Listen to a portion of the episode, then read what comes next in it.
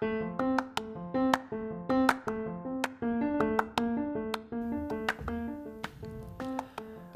velkommen til Hånespodden, en podkast for tro, liv og tanke, utgitt av Hånes misjonskirke. Og mitt navn er Alexander Gundersen. Jeg tror de aller, aller fleste vil si at de ønsker å ha det bra. At de ønsker en god livskvalitet. Dessverre har ikke alle det slik. Men finnes det noen måter vi kan øke livskvaliteten på, eller hjelpe andre med det samme? Det skal vi se litt nærmere på i dag. Dagens gjest, det er Hilde Mikkelsen. Hjertelig velkommen. Tusen takk. Og Hilde, du er utdannet sykepleier, og så har du jobba flere år på lindrende avdeling. Men nå jobber du som lærer ved sykepleierutdanninga på Universitetet i Agder. Og så skriver du i tillegg doktorgrad. Eh, det høres ut som et supermenneske. Og vi skal, vi skal snakke litt om doktorgradprosjektet, men, men, vi må ha litt sånn background først. Så jeg lurte på, eh, kan du si litt om hva det var som førte deg til sykepleieryrket?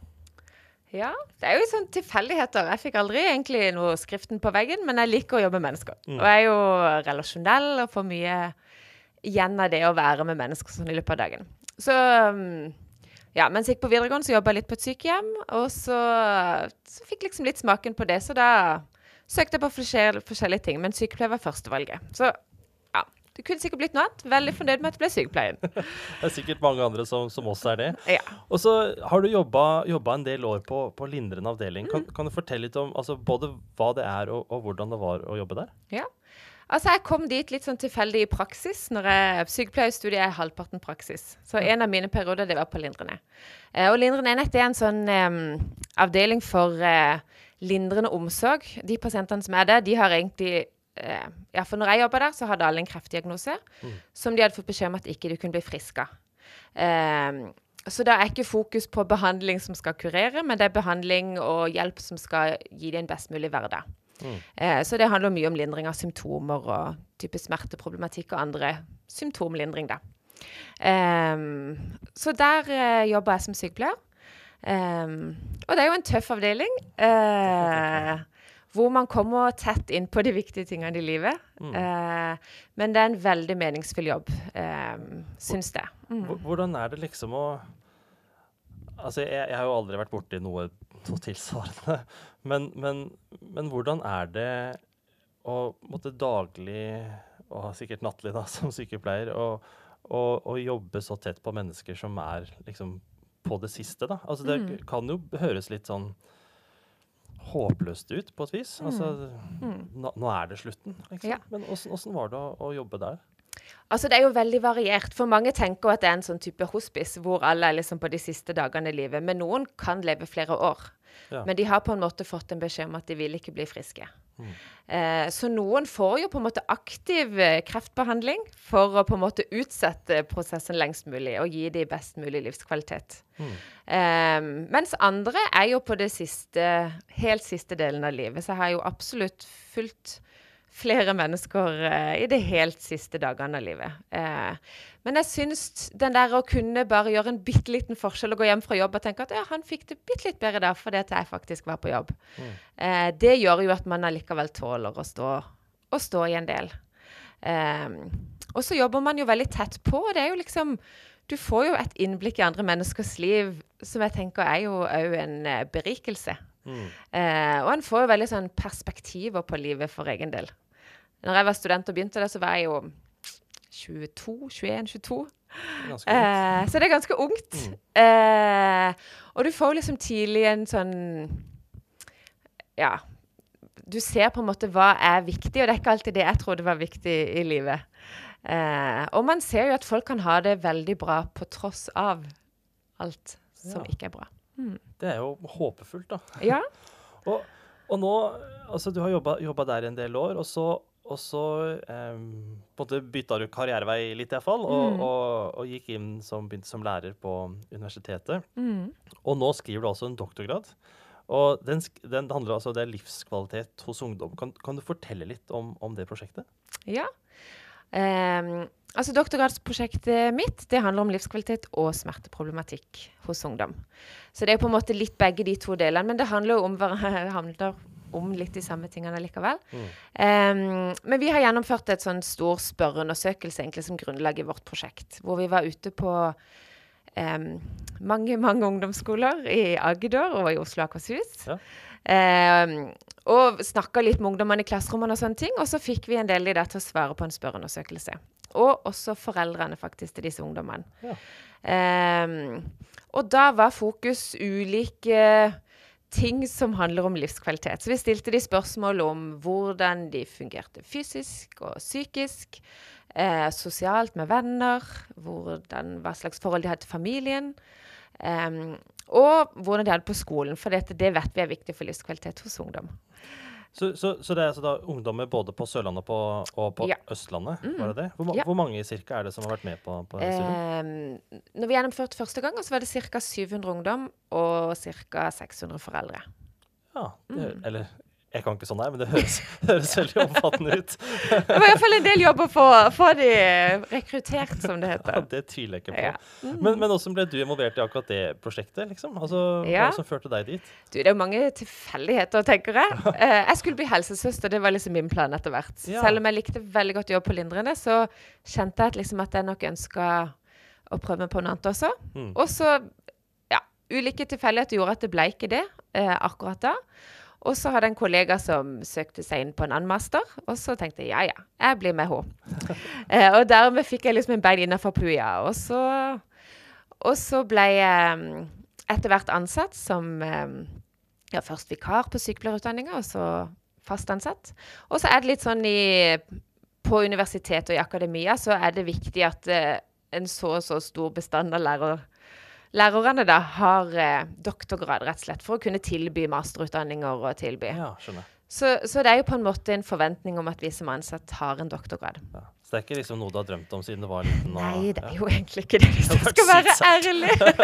jeg hører at det finnes noen av de, ja, det. men det var nok ikke egentlig det det var. Men jeg liker så godt å være lærer på sykepleien. Ja. Og så syns jeg jo forskning er spennende, for det var jo en del av masteren min å drive med forskning. Så det var jo ikke det at det var helt fjernt da. Nei. Men nå er jo plutselig det hoveddelen av min arbeidshverdag, da. Så 75 av stillinga mi er å være forsker. Ja. Og så er 25 av stillinga hver lærer nå i fire år. Ja, Og så går mm. du tilbake fullt eh, når du er ferdig med ja. ja. Så spennende. Så det er liksom livskvalitet og smerteproblematikk blant, blant ungdom. Ja. Eh, vi skal snakke mest om det første, altså om livskvalitet. Mm -hmm. Jeg lurer litt på, Kan du si litt om hvordan, hvordan definere Altså, livskvalitet, det, det høres ut som sånn et av disse ordene som alle kan liksom nikke og skjønne hva som menes, og så er det liksom ingen som helt klarer å definere hva det er. Men, men åssen er det dere har definert livskvalitet? Ja, altså Sånn som vi har livskvalitet, så, så, definerer vi at det handler om hvordan man har det både fysisk og psykisk og sosialt. Så det finnes jo noen som definerer det liksom innafor ulike retninger, der, men vi har på en måte sett det store helheten, da. Mm. Um, for det at um, Det så jeg jo på Lindre Nøy, man kunne jo fysisk være kjempe, kjempesyk, mm. men opplever at man aldri har hatt så god livskvalitet. Eh, Fordi at de andre, altså For da hadde for eksempel Gode relasjoner, f.eks.? Ja, de hadde kanskje fått et nærere forhold til familien sin, f.eks. Mm. Eh, og det har liksom vi litt med i bakgrunnen for vår definisjon, at, vi, at ja, vi ser det store bildet, da.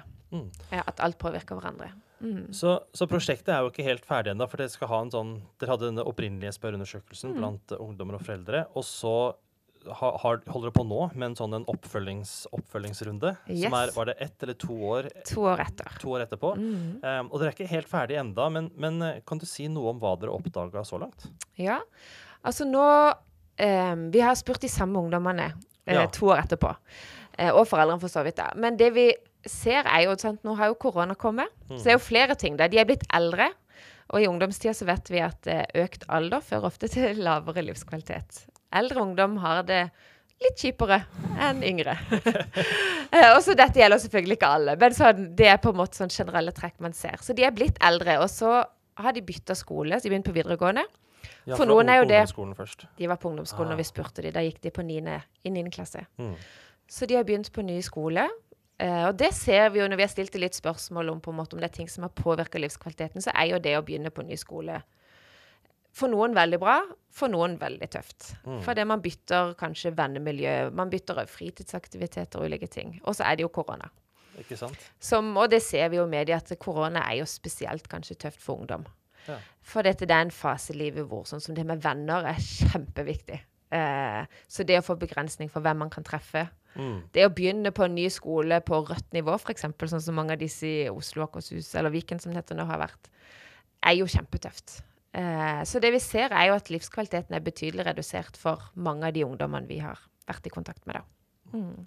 Ja, det, altså det, det, det, er kjipt, og så kan jeg, jeg kan, altså jeg kan ikke forestille meg altså jeg, Min egen ungdomstid tror jeg var liksom ganske jeg vet ikke om normal er et, et begrep man kan bruke, men, men noenlunde normal, da.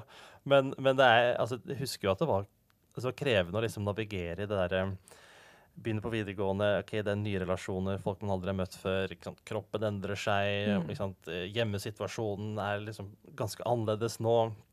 Og, og, så har jeg liksom tenkt, gjennom at, eller tenkt på at en ungdomstid er nok kan fort være krevende selv under de beste mm. omstendigheter. Og tenkt mye på hvordan disse ungdommene må ha det nå. Mm. Eh, når liksom, ok, det er bytta skole. Altså, I tillegg, da, bare for sikkerhets skyld, så er det liksom digital undervisning ja. og røde, røde soner eller ja, Og fritidsaktivitet, f.eks. Altså, noen ja, lever og ånder for fotballen, f.eks. Ja. Og så enkelte har da ikke fått lov å spille fotball eh, med vennene sine. ikke sant? Kan du tenke noe så fælt? Og det er jo bare ja, altså det er liksom, Man kan le litt av det som voksen, men jeg tenker det er virkelig dramatisk for mange av disse ungdommene når fritidsaktiviteter stenger. Det tror jeg på. Og de som kanskje ikke har det bra, blir på en måte stuck med foreldrene. De som ikke har det bra hjemme med sine. Mm. Eh, hvor kanskje fotballtreneren eller læreren eller korpsdirigent, hva vet jeg, var liksom den viktige for de da. Mm. Eh, og så mister de de da i perioder. Eh, mm.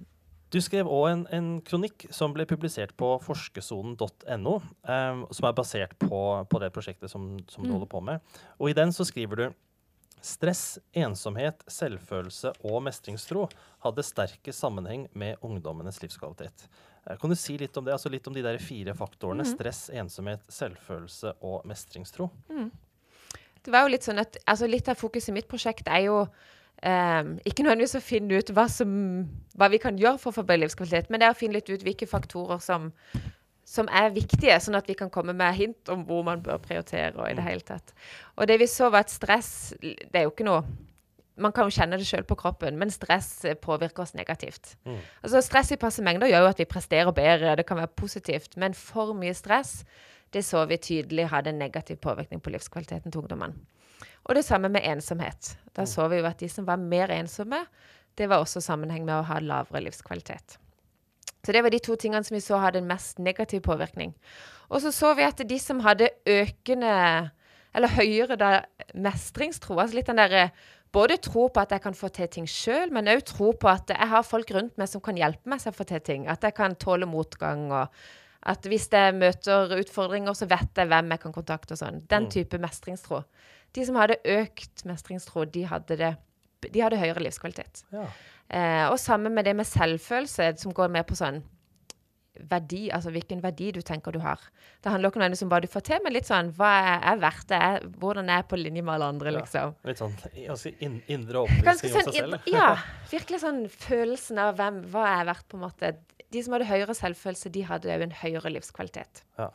Så vi så, da så vi jo på andre faktorer, men det var de fire som tydelig skilte seg ut. da. Mm. Så stress og ensomhet var altså påvirket negativt, ja. men selvfølelse og mestringstro var liksom positive, posit hadde positiv påvirkning ja. på, på livskvaliteten. Mm. Og når vi satt og, og forberedte oss, så, så, så, var det veldig gøy å snakke med deg om mestringstro. For det var, det var, noe som tydelig engasjerte deg.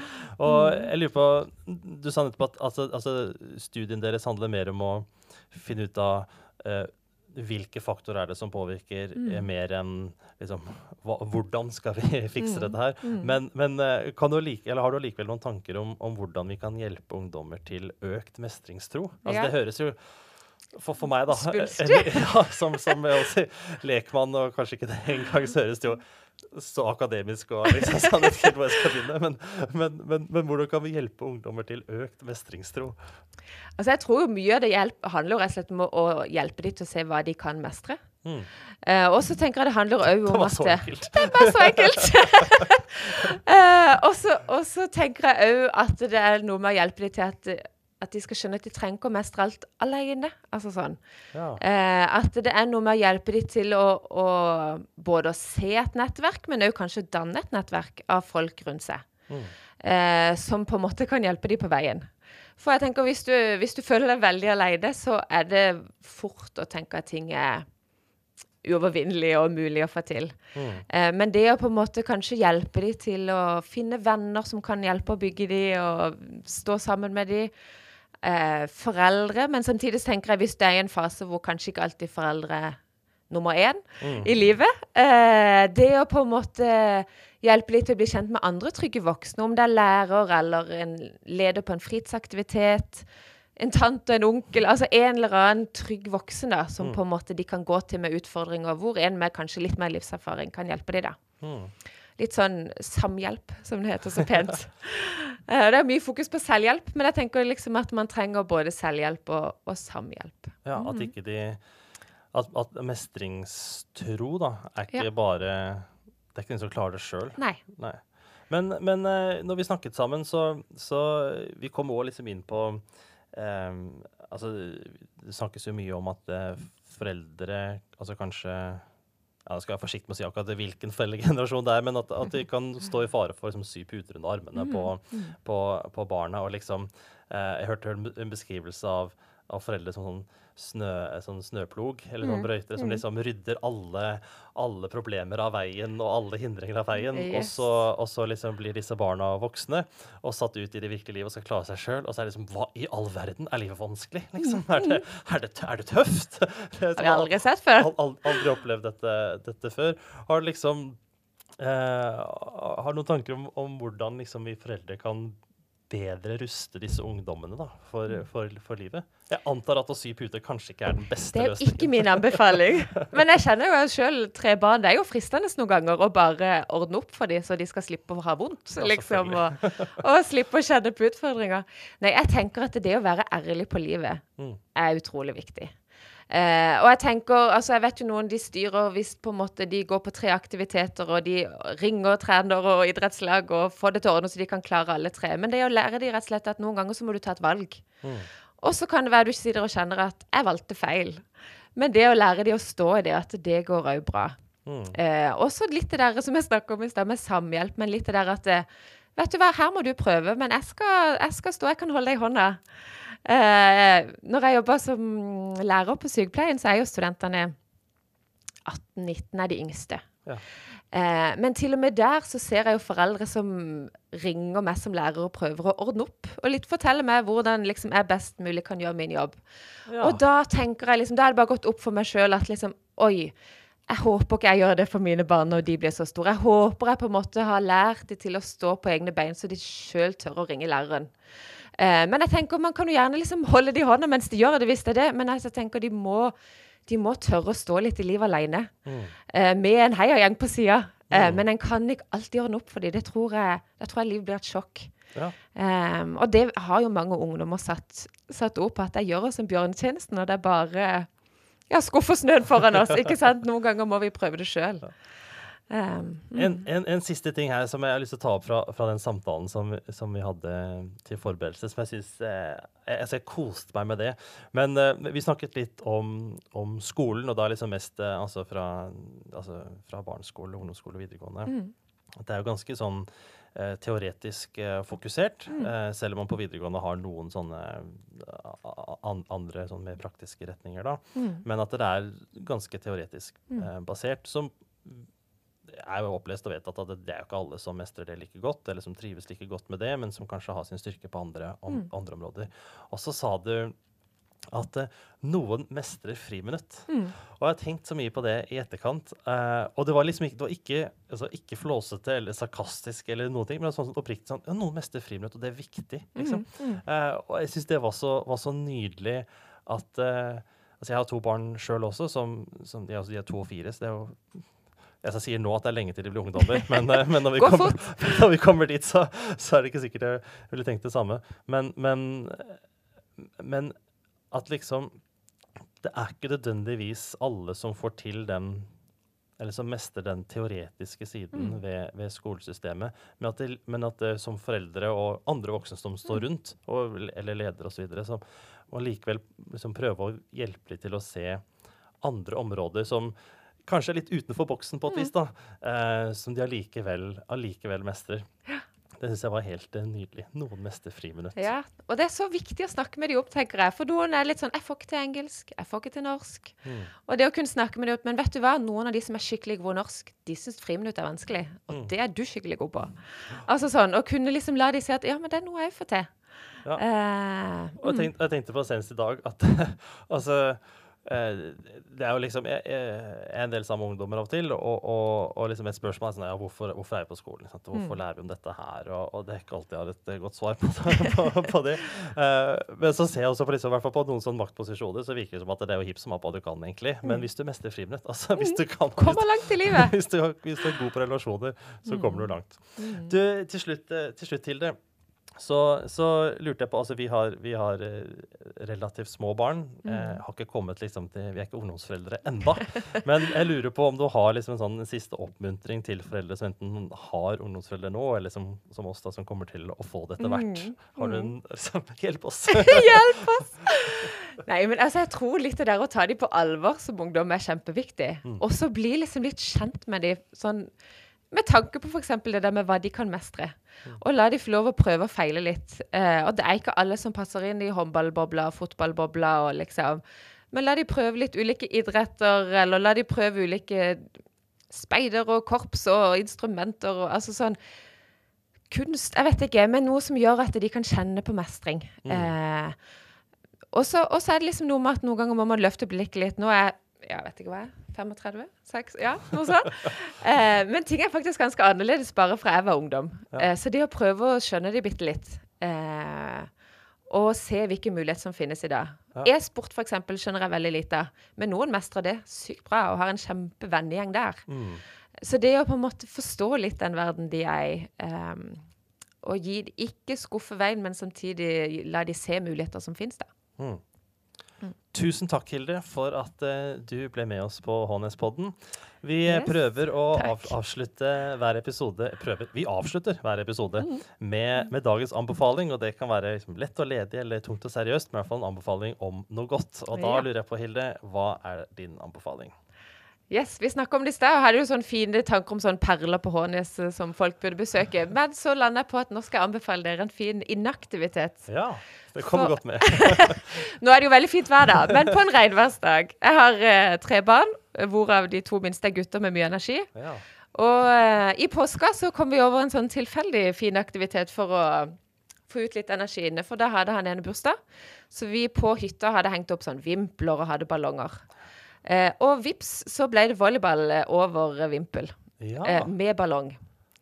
Og det var bare sinnssykt gøy. Eh, og det kan, eh, det kan toåringen få til. Sånn ganske, iallfall. Ja.